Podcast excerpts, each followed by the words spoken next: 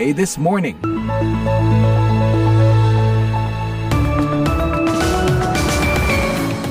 Halo pendengar, selamat pagi. Bagaimana kabar Anda di tanah air? Kita berjumpa lagi dalam acara VOA This Morning.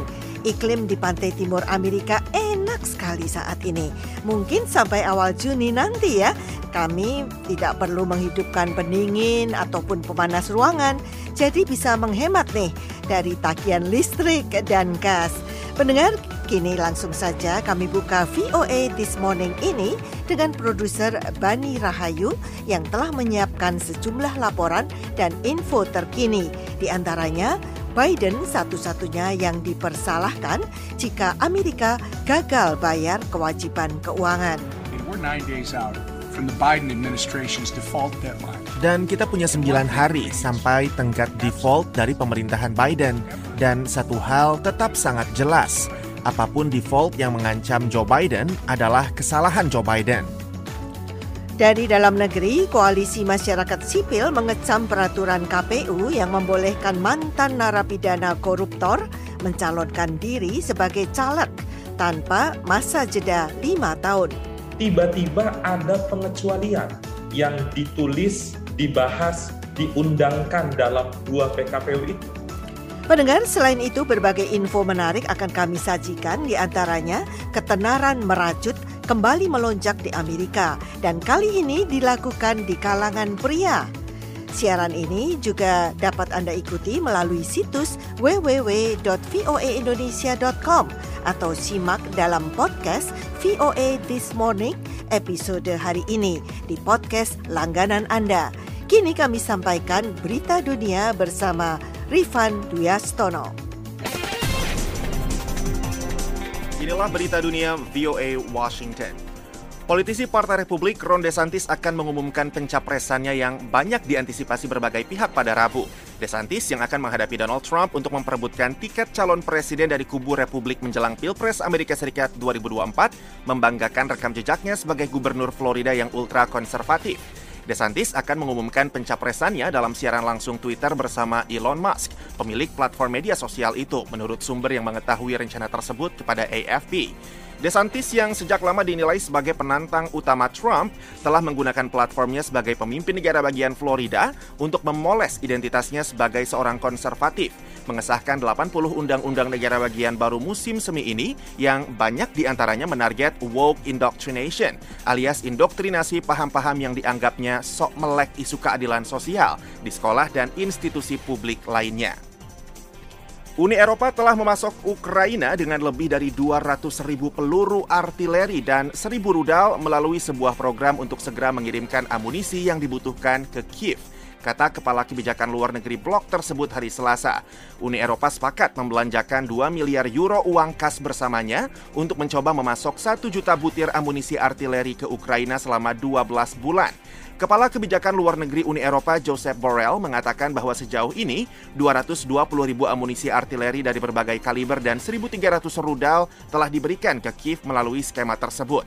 Pendukung internasional Ukraina berebut mengirimkan amunisi di kala pasukan Kiev mempersiapkan diri untuk meluncurkan serangan balasan demi memukul mundur pasukan Moskow.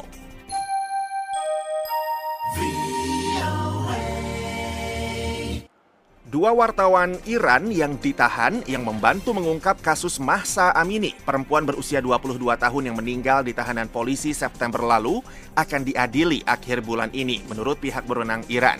Juru bicara pengadilan mengatakan Elaheh Muhammadi akan disidang pada 29 Mei, sedangkan Nilofar Hamedi akan diadili pada 30 Mei.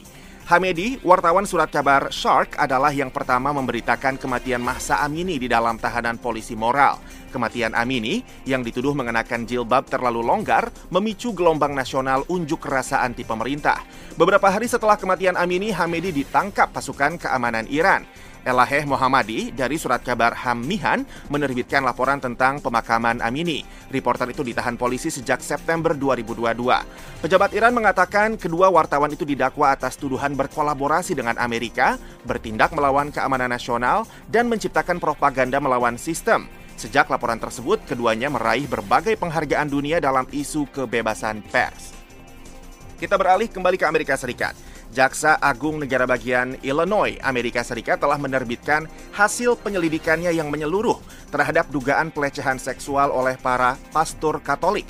Penyelidikan itu menemukan bahwa 451 pastor melakukan pelecehan seksual terhadap hampir 2.000 anak sejak tahun 1950. Jauh lebih banyak dari yang disebutkan pihak gereja saat pemerintah negara bagian memulai proses penyelidikan pada 2018, yakni 103 orang. Pada konferensi pers mengenai hasil penyelidikan hari Selasa, Jaksa Agung Kwame Raoul berterima kasih kepada pihak-pihak yang melayangkan tuduhan karena membuat penyelidikan itu memungkinkan untuk dilakukan. It's important to not ignore uh, the history of how these matters were handled uh, prior to Laporan panjang itu menggambarkan betapa lambannya para pemimpin gereja di Illinois menyadari skala kasus pelecehan tersebut. Kejaksaan Agung Illinois juga menuduh mereka lamban mengonfrontasi pastor yang dituduh melakukan pelecehan seksual dan tidak memperingatkan jemaat akan keberadaan kemungkinan pelaku di tengah-tengah mereka. Terkadang bahkan hingga puluhan tahun setelah tuduhan-tuduhan itu mengemuka. Kita beralih ke Inggris. Pemerintah Inggris pada hari Selasa mengumumkan pembatasan baru terhadap visa pelajar asing di tengah pertikaian partai penguasa, partai konservatif mengenai isu lonjakan imigrasi. Di bawah pembatasan baru itu, hanya mahasiswa pasca sarjana yang mengikuti program penelitian yang biasanya berlangsung lebih dari dua tahun yang akan diizinkan membawa serta anggota keluarga ke Inggris ketika berkuliah. Sejak Brexit, Inggris telah mengakhiri pergerakan bebas orang-orang dari Uni Eropa. Akan tetapi, jumlah migrasi bersih diperkirakan mencapai rekor tertingginya tahun ini. Demikian berita dunia VOA Washington.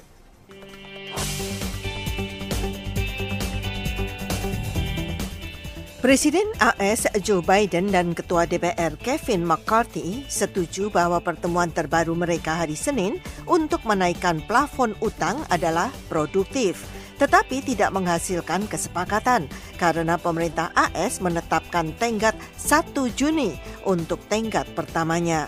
McCarthy mendesak staf bekerja sepanjang malam untuk mengatasi perbedaan mereka. Presiden Amerika Joe Biden dan Ketua DPR Kevin McCarthy telah bertemu tiga kali dalam beberapa pekan terakhir. Tetapi setiap kali bertemu, mereka gagal mencapai kesepakatan dalam penentuan plafon utang. So.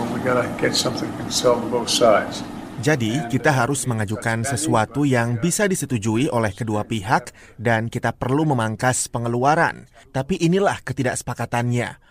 Menurut saya, kita harus melihat celah pajak dan memastikan orang kaya membayar bagian mereka secara adil. Partai Republik menginginkan peningkatan persyaratan kerja bagi orang miskin berbadan sehat yang menerima bantuan pemerintah, tetapi Partai Demokrat mengatakan jika proposal semacam itu diberlakukan, maka ratusan ribu orang dapat kehilangan tunjangan yang sekarang mereka terima. Setelah pertemuannya dengan Presiden, Ketua DPR Kevin McCarthy mengatakan, From the first day I sat with the President, there's two criteria I told him. Sejak hari pertama saya duduk dengan presiden, ada dua kriteria. Saya katakan padanya, kami tidak akan menaikkan pajak karena kami menghasilkan lebih banyak uang daripada sebelumnya, dan kami tidak akan meloloskan plafon utang yang bersih, dan kami harus membelanjakan lebih sedikit dari yang kami habiskan tahun ini. Jadi, segala sesuatu yang lain terbuka untuk dibicarakan, tapi pada akhirnya semuanya harus sesuai dengan kedua kriteria itu.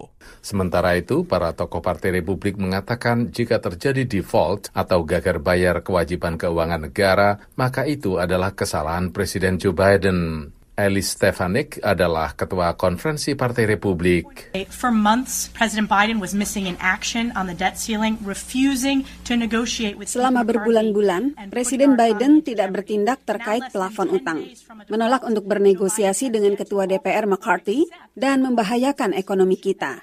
Sekarang, kurang dari 10 hari dari default, Joe Biden belum menawarkan atau menerima solusi masuk akal kita yang meningkatkan plafon utang dan mengatasi krisis utang kita. Partai Republik di DPR tetap menjadi satu-satunya yang telah mengesahkan undang-undang untuk secara bertanggung jawab menaikkan plafon utang kita dan mengendalikan pengeluaran yang sembrono untuk menyelamatkan negara kita demi generasi mendatang. Tom Emmer, anggota paling senior dari Partai Republik, menambahkan, We're nine days out from the Biden administration's default deadline. Dan kita punya sembilan hari sampai tenggat default dari pemerintahan Biden. Dan satu hal tetap sangat jelas, apa pun default yang mengancam Joe Biden adalah kesalahan Joe Biden. Selama lebih dari 100 hari, Ketua DPR McCarthy telah meminta Joe Biden dan Chuck Schumer untuk merundingkan rencana plafon utang yang bertanggung jawab. Apa yang dilakukan Biden sebagai gantinya? Dia memanipulasi rakyat Amerika dan kemudian melarikan diri ke Jepang. Dari VOA Washington DC, saya Leona Triano. Pendengar Partai Oposisi Timor Leste memenangkan pemilu parlemen hari Minggu. Itu berarti pejuang kemerdekaan Sanana Gusmao sepertinya akan kembali menjadi Perdana Menteri di negara demokrasi termuda di Asia. Laporan kantor berita Associated Press kami sampaikan berikut ini. Hasil penghitungan suara terakhir yang dirilis oleh Komisi Pemilihan Umum pada hari Selasa menunjukkan Kongres Nasional untuk Rekonstruksi Timor yang dikenal dengan CNRT memenangkan 41 persen suara dan memperoleh 31 dari 65 kursi di Parlemen Nasional partai yang berkuasa, Front Revolusioner untuk Timor Timur Merdeka atau Fretilin mendapat 25 persen suara dari 19 kursi. Partai itu berjanji akan menerima hasil pemilu. Partai Demokrat memenangkan enam kursi, Partai Kunto lima kursi, dan Partai Pembebasan Rakyat empat kursi. Sebanyak 17 partai mencalonkan diri. Pemimpin partai CNRT, Sanana Gusmao, mengatakan, We know that we win, we won. Kami tahu bahwa kami menang dan saya senang. Kami akan menanggapi kekhawatiran, kecemasan, keinginan, dan impian rakyat. Tidak ada partai yang membentuk koalisi sebelum pemungutan suara. Jadi pilihan siapa yang akan memimpin pemerintahan hanya pada Gusmao dan Ketua Fretilin Mari Al-Katiri yang juga tokoh pada masa perjuangan. Gusmao menambahkan, kita akan mulai dengan proses desentralisasi dan membahas ekonomi karena kemerdekaan tidak hanya memiliki bendera, presiden, parlemen, dan pemerintah. Kemerdekaan berarti kemajuan ekonomi, apa yang dapat dicapai rakyat untuk bisa mengatakan bahwa mereka mendapat manfaat dari kemerdekaan. Fretilin dan CNRT saling menyalahkan selama bertahun-tahun atas kelumpuhan politik di negara mereka. Ketegangan antara dua partai terbesar sejak 2018 menyebabkan pengunduran diri Perdana Menteri Taur Matan Ruak pada 2020 setelah pemerintah berulang kali gagal mengesahkan anggaran. Negara bekas jajahan Portugis itu diduduki Indonesia selama 25 tahun dan memperoleh kemerdekaan setelah referendum yang disponsor PBB pada 1999. Juru bicara Departemen Luar Negeri AS, Matthew Miller, mengatakan pemilihan ini mencerminkan tekad rakyat Timor Leste atas demokrasi dan proses politik yang damai. Puspita Sariwati, VOA, Washington.